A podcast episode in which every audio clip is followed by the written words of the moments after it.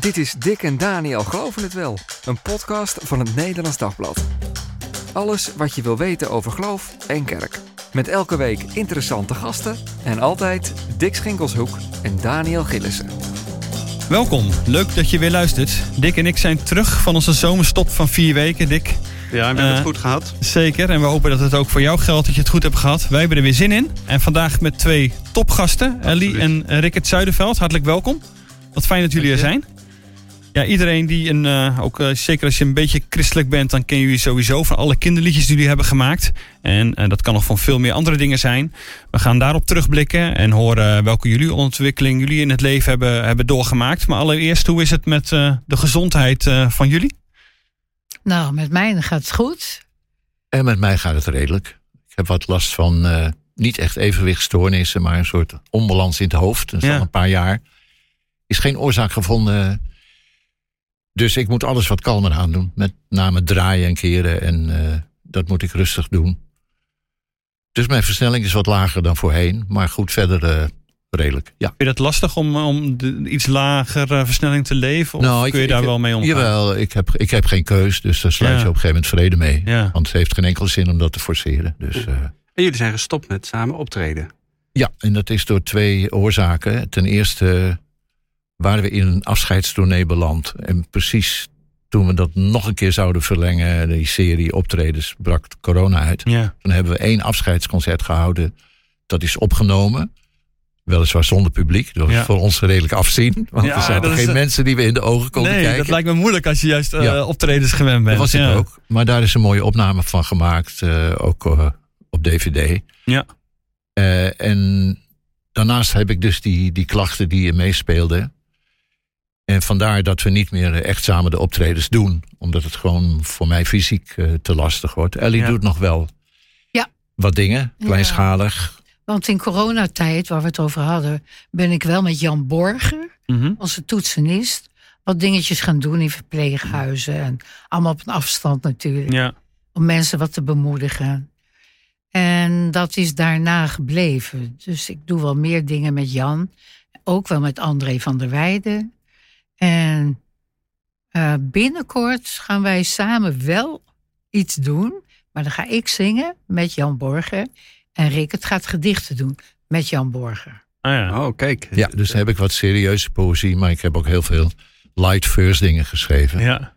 Dus er mag dan ook weer gelachen worden. ja, Het, precies. eh, hoor. We ja, waren, het, eh, het duo is dan weer even terug. Ja, in iets gewijzigde vorm, weliswaar. Maar goed. Ja, het is spannend, hè? Het heet ook Samen Apart, geloof ik. Ja, want ik kan me herinneren, Rickert, dat jij iets in je mailadres hebt staan met ik ben geen duo. Het woord duo is altijd voor jullie een beetje lastig geweest. Nou, ik loop op het hele gebied van eh, de digitale wereld achter bij mijn vrouw. Dus die, die zat al op internet toen ik er nog niet op zat. Toen je nog niet wist wat het was. En toen moest ik op een gegeven moment ook maar aan, eh, aan de computer. Dan moest ik een mailadres verzinnen. Toen had ik gedacht, nou, ik ben geen duo. Dat leek me wel aardig. Maar daar zit ook eens eentje onder. Dat, daar zit ja, iets hij onder. had ook een programma, hoor, dat zo heette. ja. Hij deed al solo-programma's. Ja. op het Flevo Festival en programma's. Ja. Flevo Festival, een groot christelijk festival wat er jarenlang eh, geweest is. Ja. Ja. Ja, Ja. maar goed, dat was gewoon een beetje cabaretachtig. En Ja. dit is ook gewoon alleen maar een knipoog, verder niet. Ja, want Nee, jouw precies. cd van, ik denk een jaar of 15 geleden, heet ook Solo. Ook bij gebrek aan beter. Heel goed, dat zijn Solo, vaak de dat beste was En het. het was, het duidelijk dat Ja. ik... eh, Ja. ja. Ja, Maar jij miste, Ellie, dat podium wat meer zeg maar, dan, eh, dan Rickert, kan ik dat zo zeggen? ja, ik ben geboren als... Je bent op het podium geboren. Ik ben bijna op het podium geboren. Mijn moeder zei dat ik in de wieg al eerder zong dan praten. Ja. Dus, eh, en als de tantes kwamen, toen ik eventjes kon staan... dan moest ik op de tafel liedjes zingen. Altijd gedaan. En ik, als, als je aan mij vroeg, wat wil je laten worden... dan zei ik beroemd. Want dat leek me wel Oh, wat. ja. Ik wist niet wat het was, maar... Is je dat gelukt, vind je? Nou, voor kinderen wel, ja. Ja, precies. Dan word je, en, en- en daarover gesproken, je zei al eh, van de kinderliedjes zijn jullie bekend. Eh, ik zal even één eh, stukje laten luisteren van een parel in Gods hand.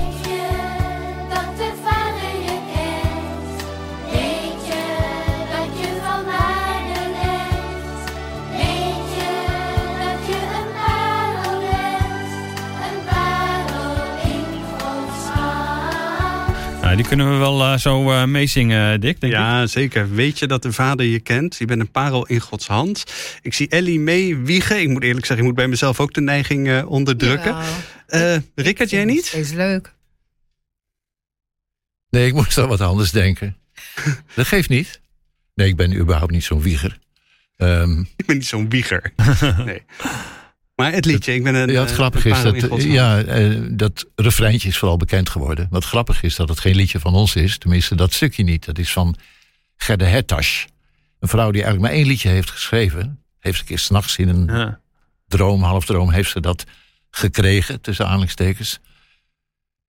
En wij hebben toen in overleg met haar daar coupletjes bij geschreven. Nu is vooral het refreintje bekend. Ja, ik ben een Eh, een bemoedigend refreintje. Precies. En voor ons moet je dat niet loskoppelen van de context. We hebben dan coupletten gemaakt waarin eigenlijk een, een, kind wordt neergezet wat helemaal geen zelfvertrouwen heeft en zich niet gekend weet. En in die context eh, heeft dat refreintje zijn waarde. Het wordt er vaak los uit die context gehaald. En dan wordt het op een gegeven moment een beetje vervelend. Mensen die dat alsmaar weer, alsmaar weer wilden horen, dat ze er mogen Dat, ze, zijn. dat ze een parel zijn. Dat, dat, dat gaat er wel in zoete eh. Dat moet toch op een gegeven moment genoeg zijn, denk ik Ah, ja. dan. Eh, pak dan wat anders bij de kop. maar er is blijkbaar een hele grote behoefte aan die bevestiging. Hè? Ja. En, Ja, terwijl ik eh, jou dan ook hoor zeggen, je moet ook die context meenemen. Die, eh, die andere coupletten. Nou, gaat echt tegen een in- kind in- dat helemaal niks meer... ik begin erover omdat wij er wel eens van beschuldigd worden de jeugd te bederven met eh, te veel complimentjes. Dat al die prinsjes en prinsesjes die er nou rondlopen, dat Allemaal dat komt door dat soort liedjes. Ja. Maar we hebben natuurlijk talloze andere gemaakt waarin eh, van alles en nog wat aan de orde komt. Alles wat een kind maar eh, kan beleven of dwars zitten of dromen of wat ook. We hebben allemaal pogingen gedaan om dat ook mee te nemen in het verhaal. Ja, en dat heb je in deze, precies, de, de context erbij geschreven, zeg maar, bij het refrein. Dat je gewoon inderdaad van, vanuit een eh, kind dat zich, eh, eh, dat, dat moeilijk zit. Ja, mijn blouse zit onder de spaghetti mix bijvoorbeeld. Ik kan ook niks. Ik kan ook niks, ja. Ik snap alweer niks van die rare som. Ik, ik ben zo dom. Ja, Hè? Ja. ja. En in die context klinkt je bent een parel in Gods, Ja. in Gods hand. Ehm, maar dit is een liedje waar jullie ook wel kritiek op hebben gekregen van mensen. Ja, kritiek. Waar, wat wel eens gebruikt wordt als hoe makkelijk christenen omgaan met het woord van God. Maar het staat niet eens in het woord van God. Dus Dat je een parel in Gods hand bent niet. Nee, Nee. nee. het staat wel dat je kostbaar bent. ja. Dat is vertaald Als naar als een parel. Ja. Ja, waar het natuurlijk in wezen om gaat. Hè? Maar dat is een heel groot probleem überhaupt onder christenen. Dat is het verstaan van de schrift. Waarin vaak dingen letterlijk worden gelezen waar ze een geestelijke betekenis hebben. En als je niet op Ja. dat niveau van de geestelijke betekenis komt, dan is de schrift volstrekt zinloos. Want dan ga je elkaar met eh, letters om de oren slaan. En de letter dood. Maar de geest maakt levend. Dus je moet altijd zien waar je de geestelijke dimensie kunt vinden in, in wat de Bijbel vertelt. Ja, niet in die, puur in die letters alleen, maar wat, ga, wat Ja. gaat daar doorheen? Precies, ja, eh, ja, en dat is dus ook het onderliggende in, eh, ook in de kinderliedjes. Ja. Nou ja, tot zover de dominee. ja, Ja. precies. Nou Dominee, ja. eh, dominee Rickert. Ehm, ja, we, eh, we kunnen jullie natuurlijk van nog veel meer liedjes kennen. Jezus is de goede herder is denk ik ook een van de bekendste. Eh, ik zag een kuikentje, die mag hier echt niet ontbreken, denk ik.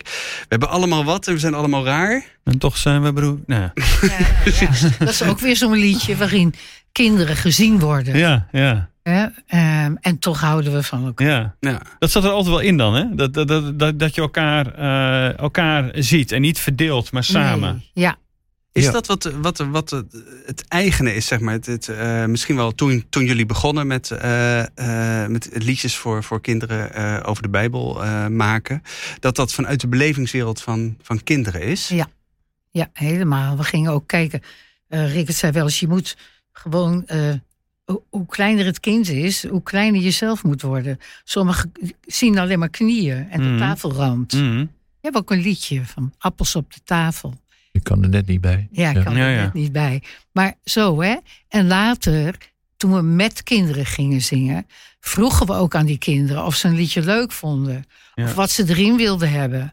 En dat deden we ook. Oh ja, dus je betrok meteen al de kinderen erbij bij het maken van die liederen, maar ook bij het zingen. Want het was nooit alleen dat het, het moest ook mee kunnen zingen Ja, met wat ik heb- jullie ik heb maakten. jarenlang kinderkoren gedirigeerd. En dan kwam ik met een nieuw liedje. En soms had Rickert het geschreven. En dan kwam ik thuis. Dan zei ik, nee. Sloeg, En dan ging het, sloeg dan niet ging het zo, voldoende aan. de, zo de prullenbak in? Ja. je schrijft natuurlijk sowieso veel meer dan... Ja. Je schrijft meer voor de eh, prullenbak. Dan, dat, Nee, heel soms. dan Dat dat... dacht je zelf. Ja. Oh, dat vinden ze leuk, maar dat vonden ze helemaal niet leuk. Oh, ja. En soms Nee. een heel, een heel, eh, ja, hoe noem je, hoe noem je dat? Een heel eh, gedragen liedje Hmm. waarvan je dacht, nou, dat. Dus serieus. is niet, hups- niet hupsakee genoeg. dan vonden ze het opeens prachtig. Ja. Ja. prachtig. Ja. Ja. Ja. ja, wat dat betreft hebben we wel ook onvergetelijke momenten meegemaakt. Ik moet opeens denken aan een zaal vol met eh, mensen met verstandelijke beperking in Apeldoorn, Groot-Schuilenburg. 600 van die eh, bewoners in de zaal. En altijd wel ergens geluid. Hè? Iemand Ja, die eh, ja. op een xylofoon speelt. Of iemand die Liedje. de hele tijd doet. En ik zong het liedje. In het huis van de vader. Is een plaatsje voor jou. En het werd stil en stil en stil. Je kon een speld horen vallen. En dat, is, dat, dat, dat Ja. kan helemaal niet in zo'n zaal met, Nee. zoveel, eh, met zoveel mensen. Dat ik echt zelf eh, heel erg ontroerd was. Ik denk, hoe is dit mogelijk? Door zo'n eenvoudig melodie, met zo'n eenvoudige tekst. Dat Iedereen helemaal... En dan eh, gebeurt, gebeurt er iets wat, ja. Eh, wat boven jezelf uitgaat. Maar Ja. ik weet niet in hoeverre dat nou een antwoord is op je vraag. Nee, maar het is, wel, het is wel een ontzettend mooi verhaal dat bijna zo'n rilling over je rug. eh, Ja, maar wat vroeg je heeft- ook weer? Nou, ehm, eh, eh, jullie hebben je in 1975 bekeerd tot het, eh, tot het, eh, tot het, eh, het christelijk geloof. En toen zijn jullie kinderliedjes gaan, gaan maken. En op een of andere manier eh, was die aanpak voor jullie zo uniek dat dat enorm aansloeg. Eh, wanneer dachten jullie, want jullie, jullie zongen al, jullie traden al op. Wanneer dachten jullie van, nou, wij gaan liedjes over het christelijk geloof, over de Bijbel voor kinderen maken? Nou, dat kwam door onze kinderen. Die waren op school. eh, en hadden ze af en toe godsdienstles. En dan zongen Hmm. ze liedjes die vonden ze gewoon saai. En ik weet nog dat Robin eh, aan ons vroeg: kunnen jullie niet een leuk liedje maken? En ik zei: Nou ja, waarover dan? Hij zei: Soms zou ik willen vliegen als een vlindertje. Oké, zei Rickert, die heeft het toen dezelfde dag gemaakt. Dat was al kant en klaar. De, wat was toen? Het is ook een liedje van jullie. eh, ja, ja, dat was zijn, zijn tekst. Zijn tekst. Soms zou ik willen vliegen als een vlindertje. Nou, dat was het allereerste christelijke kinderen. Ah ja. En daarna eh, hebben we de goede herde, denk ik. Ja, diverse van die bijbelse, Ja. vooral basisdingen hebben we toen verwoord. Onze vader. En toen eh, kwam jullie eerste Herder. plaat eh, Dat uit. van die eerste Ja, vertel kinderalbum. het aan de mensen. Ja. Wat zongen kinderen voor jullie dan? Hanna Lam, denk ik, vooral. Wat was Dat er? zal wel. Wij zongen dat zelf niet, want wij... eh, Nee. We hebben die achtergrond natuurlijk Nee, helemaal niet. niet- niet ik denk het wel, ja. Nee. Ik denk het wel. ik ben katholiek opgevoed, Oh ja. maar dan zong je hele an- dan zong je Maria-liedjes. Ja, ja. De loert op de bergen. Ja. Hij loert op de bergen. ja. Sorry. Nee, precies. Dus, en, en- nu zijn er hele generaties natuurlijk met jullie eh, g- eh, groot geworden. Eh, eh, Dick en ik kunnen er ook een beetje over meepraten dat je dat eh, wel hebt geleerd. En heel Zeker. breed christelijk ook. Hè? Inderdaad, van katholiek tot, tot reformatorisch. Ja. Eh, en alles wat daar wel, een, ja, noem het maar even, tussenin zit, eh, is met jullie eh, eh, groot geworden. Hoe, hoe, hoe is dat? Dat je zo'n voorbeeld bent voor, voor kinderen en voor generaties. En eigenlijk het net Dus als kinderbijbel. En net ja. daarmee ook voor volwassenen. eh, Een, een soort kinderbijbel, maar dan in, in liedvorm bent voor, voor kinderen. Ja, daar sta je eigenlijk zelf niet zo heel erg bij stil. We hebben alleen wel in de loop van de jaren, in al die periodes dat we geschreven hebben, ook voor kinderen, de verantwoordelijkheid gevoeld. Dat we Ja. zeggen dat we altijd wel zo zorgvuldig mogelijk, ook met nuance, dingen hebben, hebben neergezet. Omdat je weet dat je, dat, ja, dat, Dat je er een bepaalde dat het- verantwoordelijkheid aan ja, zit. Ja, Maar verder, eh, nee, in hoeverre dingen nou impact hebben en hoeveel albums er zijn verkocht en zo, daar zijn we eigenlijk helemaal nooit mee bezig geweest. goede vraag. Nee. Zullen we dat niet stellen? Nee, inderdaad. Van hoeveel, ja. We Nee, enorm geen ge- idee. gezongen. Overal tot aan Ja, op een gegeven moment de reformatorische scholen aan toe. Waar dat niet zo eh, vanzelfsprekend was Nee. om Ellie en Rikke te, te, te zingen. Nee, klopt. Maar, eh, Ja.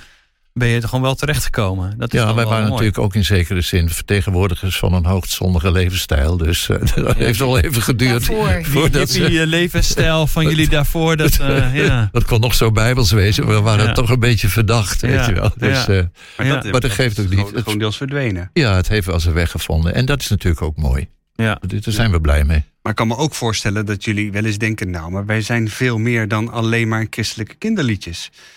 Eh, er komen mensen ons tegen en ze beginnen al... ik zag een kuikentje te neurien. Eh, ik heb veel meer gedaan. Ja, dat hebben we een hele tijd gehad. Maar nou denk ik, ach, ik zag een kuikentje is ook mooi.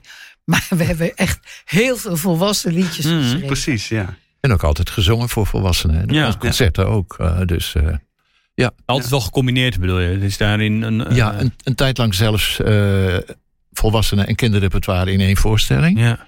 Maar op een gegeven moment gingen de maatschappelijke ontwikkelingen zo ver dat de kinderen eigenlijk niet meer het geduld kunnen opbrengen om een chanson van drie minuten aan te horen. Dan gingen ze rondlopen of ja. eh Gillen. gillen krijsen het podium op en op kabels gaan kauwen. En wat we allemaal niet hebben meegemaakt, ga ik niet vertellen. Maar Ja. toen hebben we dat moeten opsplitsen. En toen Ah, ja. hebben we of volwassen voorstellingen gespeeld vanaf 12 jaar toegang. Uh-huh. Of kinderen vanaf 4 jaar. Ook geen baby's meer erbij. Die, eh, Die verstoorde de boel en te veel, daar ja. waren mensen ook nog wel eens boos over. Jezus zegt toch, laat de kinderen tot mij komen. Oh, ja. Ik zeg, nou, ze mogen wel komen, dan zegen ik ze en dan ga je weer naar huis. Ja, maar goed, hoe dan ook. Ja. Toen hebben we dat opgesplitst. Dan speelden we dus of voor een volwassen programma. Dan kon je ook de aandacht Ja. rustig naar die liedjes eh, leggen. En met de kinderen hielden we heerlijk de vaart erin. Ja. Meedoen en eh, antwoord geven. Hè? Hij is de rots. Hij is de rots. Waar ik op sta. Waar ik op sta. Altijd Ja. dingen die ze konden meedoen. Dus Ja. veel actie. ja. En dat, dat ging dan eh Ja. dus voorspoedig. Heb je voorkeur publiek? Zeg maar dat je denkt, eh, Nee. kinderen of juist volwassenen? Nee, Dat- allebei hadden het zijn eigen Ja. waarde en zijn Ja. eigen charme. Ja. Ja. je kon met volwassen concerten wat dieper gaan. Ook wat ander soort humor eh, erin leggen. Ja. Ehm, Maar ook ander publiek, denk ik. Want ik denk dat, ja, logisch dat de kinderen en volwassenen zijn een ander publiek. Maar ik bedoel ook dat een heleboel volwassenen eh, nog steeds heel erg, ik bedoel, ook jullie kinderliedjes nog bij zich dragen. Ja. En ook als verwoording van hun geloof bijna, Ja, er is ook eh, een groep zien. die helemaal niet weet dat we volwassen liedjes Nee, precies. Ja. Want die zijn opgegroeid met onze kinderliedjes. En hebben hun kinderen daar ook weer mee opgevoed. En die zijn dat hele stuk kwijt. Die weten dat niet. Nee, die hebben jullie eh, die eerste volgeschiedenis van waar het ook allemaal mee begonnen is. Want jullie hebben, zongen helemaal niet voor kinderen toen Nee. voordat jullie eh, tot bekering eh, kwamen. Alleen de kauwgomballenboom. Dat Ja. is geen christelijk liedje. Nee. Zeg het maar even. Nee, er komt geen kauwgomballenboom in de Nee. Bijbel. je, kunt het, je kunt het ook niet christelijk duiden, want dat zou natuurlijk ook nog Nee, maar kunnen. mensen doen het wel eens. Ja, ja. Ja. ja. Maar dat was dus uit de jaren 60, 70. Ja, ja. jaren 60 of zo, denk ik. Ja. Is er, is er nou een liedje waarvan jullie nu zeggen van, dat zouden we nu zo echt nooit meer zingen? niet zo 1, 2, 3, weet ik het. We zijn wel nuance dingen misschien aan te brengen. Ja, waar, de- waar denk je dan aan? Ja, Ellie had het over. Weet het ook weer? Hij, hij, is, de, al, ja, hij is de Almachtige. En dan, daar stond in kies dan vandaag nog wie je dienen wil. Toen waren we net bekeerd. Hm. En dat was voor ons, radicaler. het moest eh, echt. ja. Want wij, wat wij allemaal gedaan hadden, dat was wel zo eh, raar en warrig. En eh, met allemaal eh, occulte praktijken erbij. Dat we moesten wel kiezen, of Jezus of de duivel. Hè? En Zo, zo dat voelde stond- dat voor jullie ook. Ja, het is ook een, Dat cita- was ook zo. een citaat uit het ja. Oude Testament natuurlijk. Hè? Ja. Kies dan vandaag nog. Wie je Ja. dienen wilt. Is het een mammon of is het Ja. Jezus? En dat hoorde ik pas terug. Toen dacht ik, oh, misschien zouden we dat liedje niet meer zo zingen. Eh, toen wel, maar wij zongen toen ook voor een hele groep mensen die net als wij waren. Dus die een beetje laveloos soms in de zaal hingen. En eh, die echt wel een stevige boodschap moesten horen. Niet van Jezus is zo lief en die houdt van jou. Je bent een parel Ja. in Gods hand. Iedereen was wel lief. Ja, en die nee, dat is, dat is mooi. Maar Ja. soms, moet je, soms moet je de wond opensnijden en het Mm. vuil eruit eh, Ja. laten komen voordat je er zelf op kan aanbrengen. Ja. Ja. Maar, Dat maar moet je ook toch, niet te snel doen. Dus het woord, van, het woord is ook Zo. altijd een zwaard. En het zwaard moet je met heel veel zorg hanteren natuurlijk. en en daar, klieven. dat is dan wel heel erg, eh, heel erg zoeken of je dat zorgvuldig doet, inderdaad. En, en Maar- ja, maar ja, die- toch dat die radicaliteit ergens ook weer tegen de borst stuit nu van zo. Nee, alleen ik stevig. zeg, ik zou het niet meer zo zingen. Nee. Waarom is dat dan? Ja, dat weet ik niet. Dat- Het is ook een liedje uit die periode. Ja, Toen moest het. ja. En ik zag ook bij opwekking hebben ze alleen maar dat stukje Hij is de Almachtige eruit gehaald. De rest vonden ze te, te Het, eh, heftig. Toen ja, al. ja. Het kiezen hoeft, eh, Nee, dat hoeft, hoeft, dat hoeft niet meer. Nee, Ja, maar dat is überhaupt het spanningsveld waar je in zit. Hè? Of je nou liedjes maakt of eh, het woord verkondigt of schrijft of wat ook. Ehm, aan de ene kant heb je natuurlijk de radicaliteit van, van het woord. En aan de andere kant heb je de, de, de, de balsem van, van Gods nabijheid. En hoe hanteer je dat? Hè? Wanneer ga je met het ene, wanneer ga je met het andere als eerste aan de slag? Ja. En je wil niemand kwetsen. Maar kijk, heb je iemand lief, dan heeft diegene recht op de waarheid. En die kan soms ongelegen komen. Wanneer je iedereen te vriend wil houden, dan moet je maar gewoon een beetje eromheen lullen. En vertellen wat de mensen graag willen horen. Dan hou je altijd wel eh, vrede met iedereen. Maar dat is natuurlijk uiteindelijk de bedoeling niet. Nee. Het zwaard moet er wel in. Maar hoe doe je dat zonder mensen echt te bezeren? Dat is een enorme uitdaging. Ja. Hebben jullie mensen bezeerd? Vast. Echt wel. Ook wel Ja. mensen die dat aan jullie En hebben dan is het weten? probleem dat je niet kunt peilen of dat nou aan de overgevoeligheid van de betreffende Hm. persoon ligt. Of aan jouw gebrek aan inschatting en gebrek aan eh, empathisch vermogen. Dat weet je niet. Daar kom je soms ook niet goed uit. Maar dat is wel iets waar je op reflecteert. Van, Ja. Ligt het aan mijn eh Ja, ja ben ik, ben ik eh, te ongenuanceerd eh, Ja. erin gesprongen. En je denkt ook wel eens, aan de andere kant ben ik nou niet veel te voorzichtig eh, geweest met die persoon. Ja. Die gaf misschien onbewust wel aan, geef mij maar een schop onder mijn kont. En ik, ik heb het niet gedaan, weet je wel. Maar het is ook Ja. een beetje lastig ook wel. Dit is, eh, het is massacommunicatie wat je doet met een liedje. Het, is, voor- het bereikt eh, iedereen. En tegelijk gaat ieder- gaan mensen het heel individueel op zichzelf. Ja, precies. De, de toepassen in hun eigen zijn- situatie. Zijn, zijn Ja. individueel. Ja. Dat lijkt me af en toe wel even. eh, Dat lijkt me wel ingewikkeld in het. Ja, hoe gaan jullie daarmee om? Met reacties, kritische reacties? Over Ja, zo reacties? wijs mogelijk. Als we een, rea- een reactie krijgen of in een mailtje of iets, dan, Hm. dan bied je er in je hart ook voor wat je moet antwoorden. Ik kreeg gisteren nog een berichtje van een vrouw die, nou misschien 30 of 40 jaar geleden, mij een, mail had gestuurd. Maar 40 dat jaar geleden een mail niet. dat ze... Ze schreef: Ik heb jou een mail gestuurd. Of jij mijn coach wou worden. En je hebt daar toen nogal bot op gereageerd. En ik schreef: Wanneer was dat dan? Ja, computers bestonden nog maar net. Ik denk: Och, Oh, help. waarschijnlijk wist ik niet eens wat het woord coach was. Dus Ja, ja. dat was ook een, is ook een modewoord inderdaad. ja, ja, ja. Dus ik heb toen waarschijnlijk gezegd: Nou ja, dat doe ik niet aan. Nee, nee. En dat had, was bij haar heel hard overgekomen. Ja. En toen gisteren hebben we het eigenlijk bijgelegd. Ze was intussen helemaal geen zangeres geworden. Maar Nee. eh, beeldend kunstenaar, waarin ze zich eigenlijk lekkerder voelde. En we hebben het bijgelegd. Ik zei, nou, als ik je gekwetst heb, sorry. Het was niet de bedoeling. Maar nou, nu is het goed. Ja, maar mensen verwachten wel eens wat van je. Juist als je hè, de, de bekende mensen bent en je hebt een, eh, voorbeeldfunctie dan. En eh, het gelovige duo enzovoort. Dan eh, mensen denken, ah, die zullen altijd wel op deze manier reageren. Of helemaal mij begrijpen of de tijd voor me nemen. Terwijl je dat ook niet altijd kunt doen natuurlijk. Nou, valt eigenlijk wel mee. Ja? Ja, ja. Verwachten Wat- mensen ook dat jullie ontzettend gelovig zijn? nou, ja, ik weet niet. Ik, eh, kun je daar gradaties in aanbrengen dan? Gewoon, dat weet ik niet. Ontzettend gelovig. Ja? Nou, al heb je maar geloof als een mosterdzaadje. De- maar hoe maak je ze dat duidelijk? Ja, maar jullie hebben wel een voorbeeldfunctie. Dat bedoel ik natuurlijk eigenlijk Ja. voor mensen. Ja, Dus dat mensen spiegelen dat ook. raars eh, zien doen ergens Nee. of zo.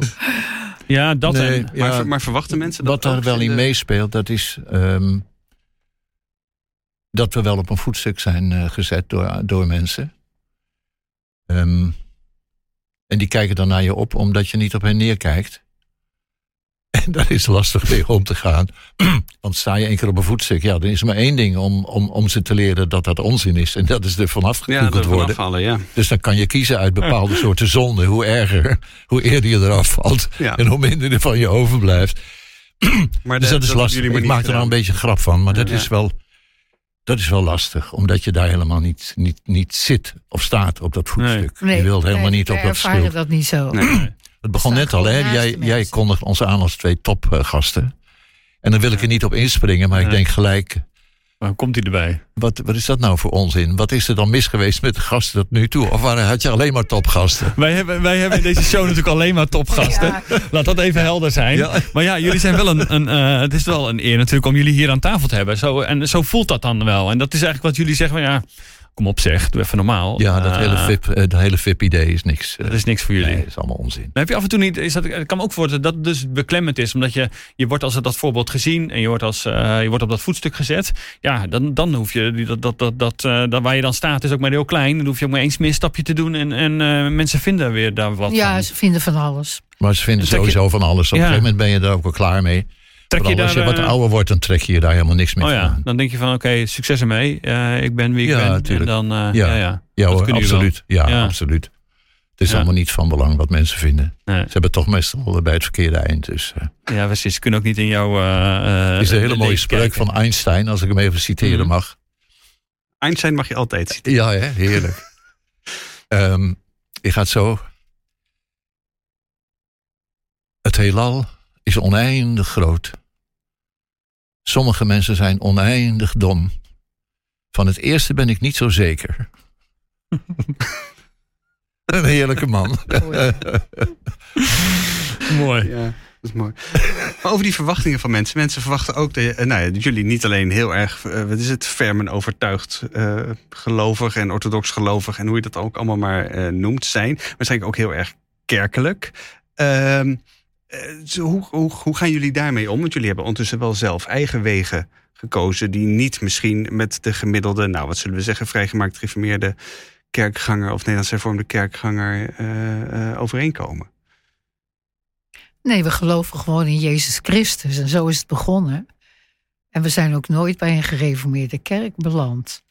Ik ben wel ehm, een paar keer daar geweest. Omdat het de dichtstbijzijnde kerk was. Mhm. Waar we nu wonen. Maar eh, ik ga nu naar de katholieke kerk. Dat komt omdat ik met asielzoekers ben meegegaan. Die katholiek waren. En ik ben blijven hangen.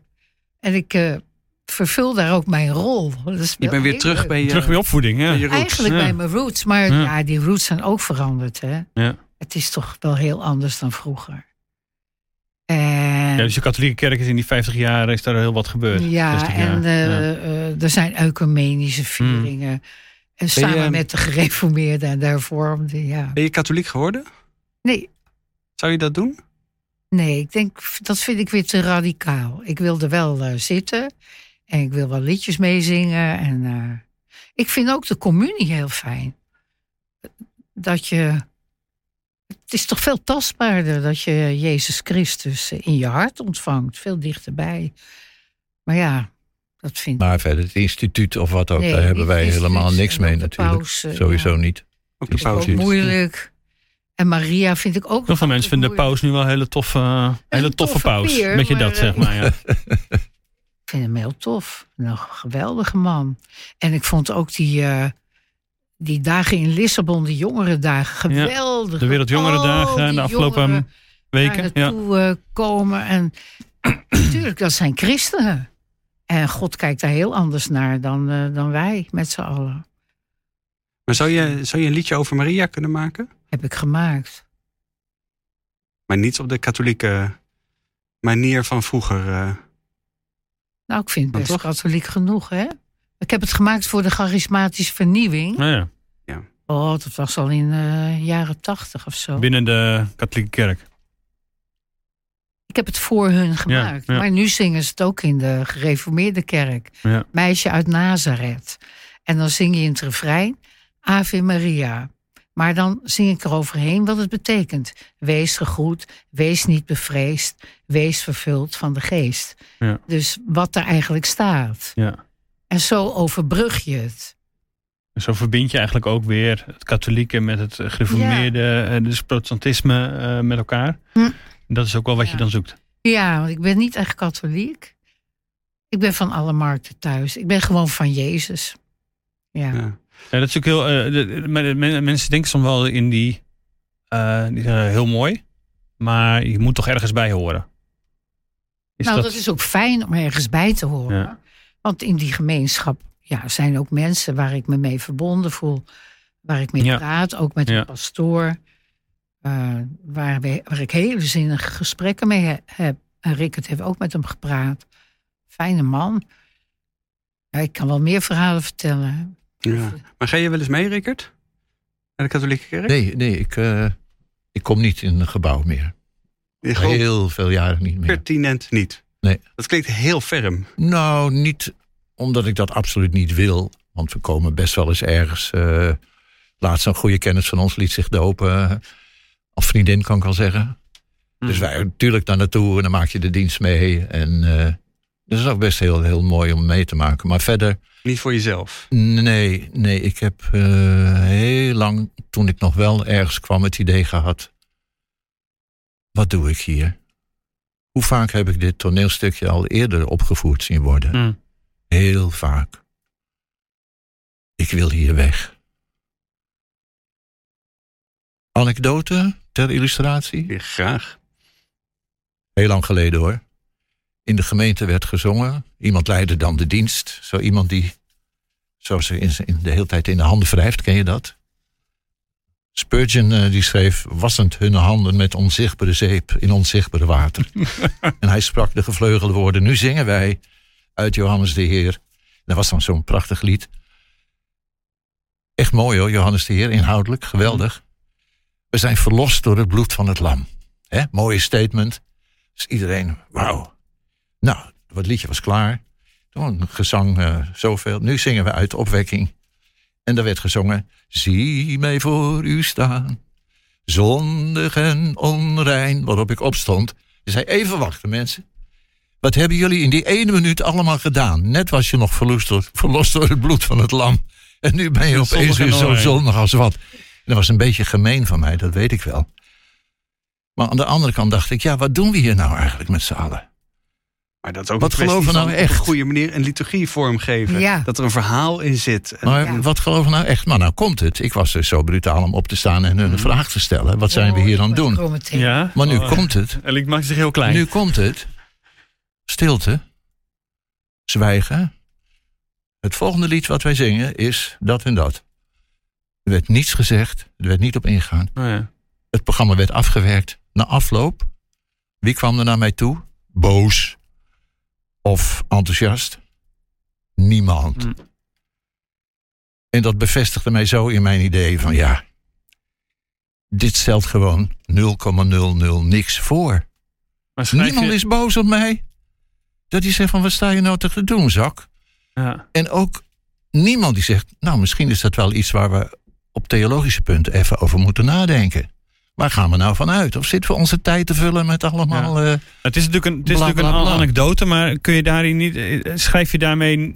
Heb je daarmee heel de kerk afgeschreven? Eigenlijk de manier waarop het, ja, het instituut, zal ik het maar even Nou, zeggen, de kerkdiensten en zo worden niet, vormgegeven? niet afgeschreven, want op het moment dat iemand zich thuis weet en, en, en gevoed Mhm. wordt en alles, eh, weet ik, daar kom ik niet aan. Fantastisch. maar jij wordt daar Dat niet gevoed. Maar ik word daar niet, niet meer gevoed. En Nee, je hebt het wel klinkt- gehad. Niet meer is, zeg je. Het is wel nou gebeurd. ja, dat wisselde dan wel eens hoe, Ja. hoe het ging en wie er sprak. En dan wordt, ge- dan wordt gezegd, ja, dat, dat wisselt wel eens, maar eh, goed Ja, om vol te het houden. meeste is wat, ik. eh, wat christenen tegen elkaar zeggen. Het Ja, meeste werd ik naar een kerk gevoed die door... niet bij je past. Ja, maar dat is natuurlijk zo raar. Hè? Je moet een kerk zoeken die bij je past. Maar je bent natuurlijk gewoon een deel van het lichaam. En je woont ergens. En je woont ergens. En dan in principe zo dicht mogelijk bij huis. Maar de mooiste ervaring die ik op dat vlak heb... is de, de bijbelstudiegroep die ooit... nadat wij tot geloof kwamen bij ons thuis ontstond. En later huurden we een zaaltje. Wij hadden het principe als we dan samenkomen... broeders en zusters, heeft ieder iets. Ze hadden geen leiders. Beetje Ieder had, vergadering, eh, ieder had iets. gelovigen. En we hadden wel met een paar man de afspraak... wij gaan er wel samen opletten dat het niet uit de hand loopt. Maar in principe kan de geest zijn gang gaan... en Ja. mensen inspireren tot een lied, een verhaal, een gebed... een profetie, wat dan ook, hoe het komt. En er werd dus wel op toegezien, gelukkig. Maar we hadden ook het idee van eh, een collectezak. Daar mocht wat in. Maar als iemand gebrek had, mocht hij het er ook uithalen. Hm. En dat was voor mij eigenlijk een, een mooi idee van hoe je gemeente kunt zijn. En, en, en al die instituten en al die ongeschreven wetten, hoe je moet zijn en met elkaar moet omgaan, eh, is alleen maar dodelijk voor, voor een levend geloof, naar mijn idee. Dus een beetje de Bijbelse handelingen, de gemeente in, in, in tijden van Ja, handelingen, dat ja. is wel iets wat je aanspreekt. Ja, enorm. Ja. Ze hadden alles gemeenschappelijk. ja, dat doet me ook denken aan onze oude. de tijd kort voordat we tot geloof kwamen. Toen beseften we ook steeds meer wat moeten we eigenlijk met al die spullen en al die dingen. Toen hebben we de hele bende hebben we weggedaan, alles. Zijn we in een bus op reis gegaan. Gewoon alle spullen weg, uh, Ja. is We leeg. hadden alleen maar een pan en een paar lepels. Een pan en een paar lepels en eh, een paar kleren met de kinderen. Ja, Ja. twee. Ja. Een half jaar in een bus rondgereisd, een beetje zigeunerbestaan eh, geleid. Radicale Maar toen we- hippie, toen we- eh, christelijke hippie tijd. Nee, niet christelijk. Dat Ja. was voordat we tot Oh, was voor, sorry. Ja, dat Ja. voor nog, ja. We deden Ja. wat er in de Bijbel stond, want Rickert las dat al. Die las over Jezus, dat hij zei... eh, als je me lief hebt, laat dan Ja. alles achter en volg mij. Ja, ja, En dat is hij gaan doen. En ik ging gewoon weer mee. ja. En, eh, Gewoon weer Av- mee. avontuur vond ja, je, het was ook ik dacht, avontuur. die Bijbel, ja... Ik zag dat een beetje symbolisch meer. Ja. Maar ik was op weg om een punt te maken. En dan ben ik nu even, dat. even kwijt. Nou, jij was op weg om een punt te maken. Van Je gaf alles weg. de manier... De oh, manier ja, oh, waarop we toen Ja. leefden. Ja, Naar aanleiding van... eh, ja, Kerk, precies. Dus, ja. dus de eenvoud en het delen van, van, van alles. Dat, dat was het Ja. punt. Ja. Want voordat wij dus op reis gingen... Eh, leefden we met een hele groep mensen in een, eh, in een klein huisje, boerderijtje. Een soort commune. In een soort communeverband die we niet gewild hadden. Die ontstond door dat huis van vrienden van ons afbranden, et cetera, et cetera. Maar dan hadden we ook één kast voor de kleren. Mannen, plank, vrouwenplank, kinderplank. oké. We hadden gewoon alles gemeenschappelijk. En dan lever je wel wat in, waar wij dan nu zo trots op zijn, dat is onze privacy. ja. Maar je krijgt iets heel kostbaars terug en dat is echt de broederschap. Ja. En die zochten we juist en die vonden we toen, voordat we tot geloof kwamen, eigenlijk niet. Ja. We zaten s'avonds allemaal hand in hand met iedereen.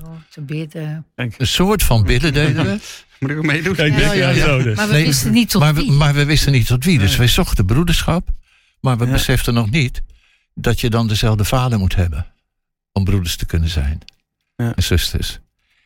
En het mooie is dat al die mensen die daar toen bij elkaar waren. daar allemaal op verschillende plekken en tijden. allemaal diezelfde weg hebben gevonden. Heel, heel bijzonder. Heel bijzonder. Ja. Maar dat geeft ook aan, en dan komt de dominee weer even boven, dat het uiteindelijk gaat niet om het leven, maar om het sterven. En dat als de graankorrel niet in de aarde valt, brengt hij, brengt geen vrucht voort, blijft hij op zichzelf. Dus het, het, het delen wat we met elkaar doen, moet ook inhouden dat we op een bepaalde manier aan onszelf sterven. En dat kan ook zijn het inleveren van je privacy Hm. of andere zaken. Ja. Nou, genoeg gepreekt. zeg. Nou, en, maar hoe laat Weet jij... je want je, laat je, leuks? je laat je dus voeden, want je kunt ook preken. Dus moet, dat moet ergens vandaan komen. Waar komt dat eh, vandaan? Want als je... eh, van, wel, christenen zullen zeggen, ja, in de kerk ga je ook naartoe om, om gevoed te worden. Ja, hè, om iets te krijgen. Ja, je bent ja. iemand, en Ellie ook, die ook ge- veel geeft. Eh, eh, in, in hoe jullie zijn, maar ook dus in jullie eh, liederen en poëzie en zo. Hoe, waar laat je je dan door voeden? Hoe, hoe haal jij dat binnen? Mm, voelt een beetje als ademhalen bij mij. Dus de dagelijkse omgang met, eh, met God. Ellie heeft een boekje wel eens, waar ze wel eens uit leest. Dat heet dan Mijn tijd met God. En dan denk ik, als ik die titel lees, van ja, welke tijd is dat dan? Eh, Is hij niet 24 Jij gaat er heel poëtisch weer naar Is- kijken. en Nee, nee, van, nee, Of gewoon- filosofisch. Van moet ik dat letterlijk nemen? Oh ja, oh ja, ja. Want Ja, ja, ja. ik, ik zie dan God, eh, laat mij nou. Ja. Oh, ik zie God eh, dan zeker, 24 precies. uur per dag Ja, ja, ja. ja, ja. bij mij. Hè, niet dat ik constant met hem in gesprek ben of zo, maar ik ben wel constant aan het ademen. En ik Je word eigenlijk in- voortdurend gevoed. Of ik Mm. lees in de Bijbel natuurlijk. Of ik lees een, een goed boek. Of ik denk na over dingen. Of ik hoor een mooi stuk muziek. Of ik loop de natuur in. Dat speelt allemaal, dat speelt allemaal mee. En dat voedt. Ja. Zeker. Maar vooral het woord. Je moet je natuurlijk altijd wel bij het woord weer terugkeren. Ja, want er is wel, ja, precies. Het is wel iets wat je, eh, want dat, dat kan dan het risico zijn voor mensen die, nou ja, de, als de kerk, eh, als ze niet ergens naar zo'n vaste plek gaan, dat, het- dat het heel het ritme Ja. en, eh, en het woord wat jij zegt, Ja. dat dat eigenlijk allemaal wel wegvalt. Want je denkt, ja, genoeg andere dingen aan mijn hoofd en dan is het. Ja, dat hele Verdwijnt helemaal. Ik wil ook niemand de kerk uitpraten. Nee. Zeker niet hoor. Nee. zeker niet. Maar voor mij is het op dit moment niet, eh, niet iets waarvan ik denk dat moet ik zeker doen. Nee. Maar ik maak me toch thuis wel. dan eh, Hm? het geloof vorm? Hebben jullie Nou, daar vaste lees in dat rituelen voor? dagboekje. Ja, precies. Nou, dat is me helder. Mijn tijd met God. eh, Ja. ja. en de ene keer is het wat eh, toegankelijker dan de andere keer of aansprekerder. Maar doen jullie, doen jullie ook, dat ook samen? Nee, nee maar En, we eh, bidden wel samen. Als, oh ja. we hebben ook een hele mooie vormgegeven kaarsenhouder.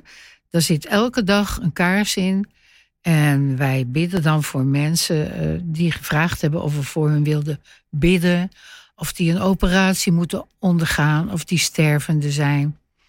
En niet dat die kaars eh, het gebed is. Maar door die kaars worden we eraan herinnerd. Ja, je komt de kamer binnen en dat ding brandt. Je denkt, oh ja, heer, Ja, hij, u weet wel. Die, eh, Ja. en dan ga je weer eventjes. eh, en zo, ja, zo ademt het ook de dag door eigenlijk. Maar dan is zo'n zo'n reminder is wel fijn. Ja. Dus ook mensen die hechten aan rituelen, die neem ik dat helemaal niet kwalijk. Want die kunnen een enorme functie hebben. Ja. Ja, Nee. want je hebt wel iets in een soort vastigheid in je leven nodig om het ook vorm te geven. Anders vervluchtigt het ook heel snel, denk ik.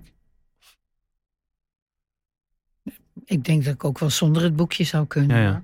Als ik het eerste, nou bijna het eerste wat ik s'morgens in mijn hoofd zeg is, dank u Heer voor deze dag. Hm. Soms denk ik alleen maar, eh,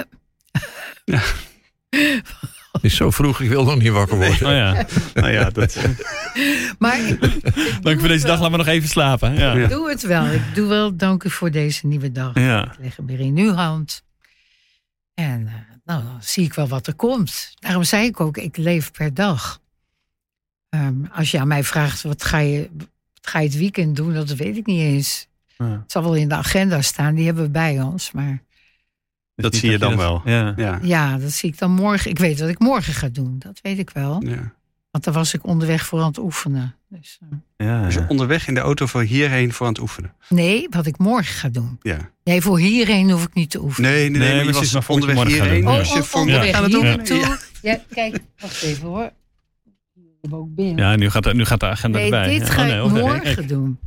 Dit is een, eh, ja. een nieuw boekje, dat Ja. komt pas uit in Oh ja, september. met eh, Michel de Boer. Ja, en dat is heel mooi over een jongetje. Illustrator. En zijn opa is overleden en hij ziet hem in de wolken. Dus eh, er is ook een liedje bij.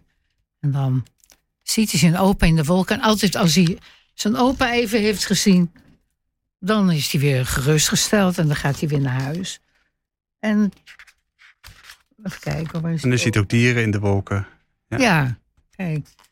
Ja, wij Nou. zijn hier nu, anders moet je op YouTube even kijken. Dan kun je het inderdaad eh, zien. Ja, maar het is pas eh, Maar het komt nog in uit. september Oh ja. komt hij uit. Ja. En morgen ga ik het liedje eh, op een filmpje zetten met dat boek in mijn Ah. handen. Dus dat is leuk om te doen. Maar dat liedje is al opgenomen, dus ik moet wel synchroon. Ah, precies zingen. Dus Zingen. we bewegen ja, precies met de mond zo mee, Ja, precies mee dat dat klopt, ja. En wat, eh, wat is hier, want meestal zit er bij jullie wel een bijbelse boodschap eh, in. Wat, wat zit er hier in dit, in dit Ehm, boek of in dit, dit lied? Dat hij wel beseft dat zijn opa in de hemel is. Maar dat de wolken een beetje dichterbij zijn dan de hemel. Oh want Die is zo ver. Tastbaar maken voor een kind eigenlijk, van, als het om overlijden gaat. Eh, dat, dat is te kunnen begrijpen. Beetje, hè? Dus er staat ook niet van opa is die wolk. Nee. Nee, opa lijkt op die wolk. Ja. Ja. Wat verwachten jullie eh, van eh, de toekomst? Van eh, misschien ook wel leven na dit leven. Hoe, hoe, zijn er dingen waar jullie mee bezig zijn? Af en toe vallen we stil, hè? Dat is ook wel eens mooi. Nee, niet zo heel erg. Hoe het na dit leven is, kun je toch nauwelijks voorstellen. Heel af en toe wordt er eens een tipje van de sluier eh, opgelicht. Ja. En dan hoor je iets van ervaring die mensen hebben gehad. eh. maar verder, dat ligt natuurlijk enorm eh, open. Ik laat me graag verrassen. Dat is natuurlijk een belachelijk ding om te zeggen. Maar in, in zekere Ja. zin in zekere zin wel. Ehm, ja. Openstaan, afwachten. Maar goed, ja, je wordt wat ouder. Op een gegeven moment moet je sterven. En dat sterven lijkt me niet een fijn, eh, een fijn proces. Nee, omdat, Omdat het ook te maken heeft met, met, met eh, mensen die verdrietig worden dan. Ja. of Ja, je moet je zo erg misdragen dat iedereen blij is dat je eindelijk opkrast. Dat kan ook. maar dat ben je niet van plan. Maar dat was nog niet van plan. Ik wou zeggen, Dus- dan mag je, dan mag dus je wel dat is dan een Ja. bepaalde strijd die, zich- die zich voordoet. Ja, ja. Maar aan de andere kant, ehm, ja, je hebt wel het, het geloof en eigenlijk de zekerheid dat daar die andere dimensie is waar Ja. je eigenlijk constant al in zekere zin in, in, in beweegt. Ook al ben je nog gebonden aan tijd en ruimte. Die de uiteindelijke verlossing zal, zal, zal, zal zijn. Ja. Dus eh, niet meer onderhevig aan de beperkingen van ruimte en van tijd. Dat moet wel heel, heel bijzonder zijn. Ja. Omdat wat je hoort soms ook nog weer heel, heel praktisch is. Hè? Ja, Mensen heel die een glimpje hebben opgevangen, weer hele aardse dingen zijn. Ja. Met, met kinderen die onderwezen worden door engelen. Of gigantische glimmende dooms van die, van die, Ja, die heb Ja. ik gezien. van, van, met- van Ja. die regenboogkleuren. Van die, van die prachtige woningen waar je. Ja, Ja. Heb je een glimp opgevangen, Ellie? Ellie heeft wel eens iets. Ja? eh, ja. Hoe, hoe, hoezo? Hoe kwam Ja, dat? ik ben in een soort eh, doodsituatie geweest. En eh, later kwam dat allemaal pas boven. Eh, inderdaad die dooms en mensen met witte haren. En eh, vissen die vlogen en zo. En eigenlijk alles wat, wat zomaar kon. Dat kon. En, bomen die bewogen. En als je aan iets dacht, dan was het er gewoon. Als je een, een vrucht wilde, dan zat die in je hand. Dus ja, maar ja. Maar hoe, ben, hoe, hoe is dat gegaan? Ja hoor, ik ging bijna dood. Ziekenhuis, ja. Ja. Dus eh, ik dacht dat ik ook dood ging. Maar dat is een heel lang verhaal. Ik weet niet, daar hebben we geen tijd meer voor hoor.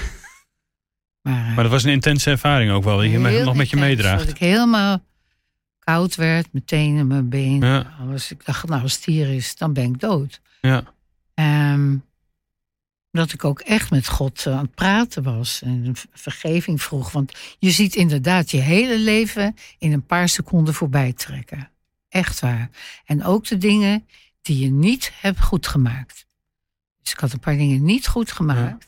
En ik dacht, ah, dat kan ik nu ook niet meer doen. Dus ik zei tegen God of iemand, Ja. ja, nou moet u het maar doen, want dat kan ik niet. Ik kan nou. Ik, ik heb zelfs voor Rick het nog een vrouw uitgekozen. Want ik dacht, anders blijft hij alleen met die kinderen, die waren nog klein. Ja. En, eh, en later kwam ik weer terug. En ik dacht toen, eh, nou ja, ik heb alleen maar geslapen. Het, het was, Ja. ja. Maar later, stukje voor beetje, kwamen er steeds een soort van, van beelden, visioenen. En ik heb er ook een liedje over geschreven. Over die dooms. Die, eh, Nee, ja, Ja. ja, koepels van glas, ja. Hm. Nee, het is een lied, het heet De Achtste Tuin. achtste tuin, dat, dat kunnen luisteraars opzoeken, Precies. eh, denk ik. Je hebt ook de- komt er zo'n enorme eh, erfenis, zeg maar. Laat je, heb je sowieso, ja, die heb je, oh, de erfenis klinkt wel alsof het allemaal inderdaad helemaal voorbij is. Dat is het gelukkig niet, maar eh, ehm, eh, die jullie achterlaten. En jullie hartelijk danken gewoon voor jullie verhaal en, eh, en eh, delen van eh, jullie leven. En dat we daar een eh, inkijkje in eh, kregen. Eh, dank daarvoor. Dank ook voor het luisteren. Ja, en eh, denk je nou, hey, het is ontzettend leuk wat die, eh, wat die jongens doen met hun podcast bij het Nederlands Dagblad. Eh, overweeg dan eens een abonnement op het Nederlands Dagblad, want dat zorgt ervoor dat we kunnen doen wat we doen. Eh, dan kun je ook telkens, eh, even kijken, Rickard, help me even. Hoe vaak schrijf jij gedichten voor het Nederlands Dagblad?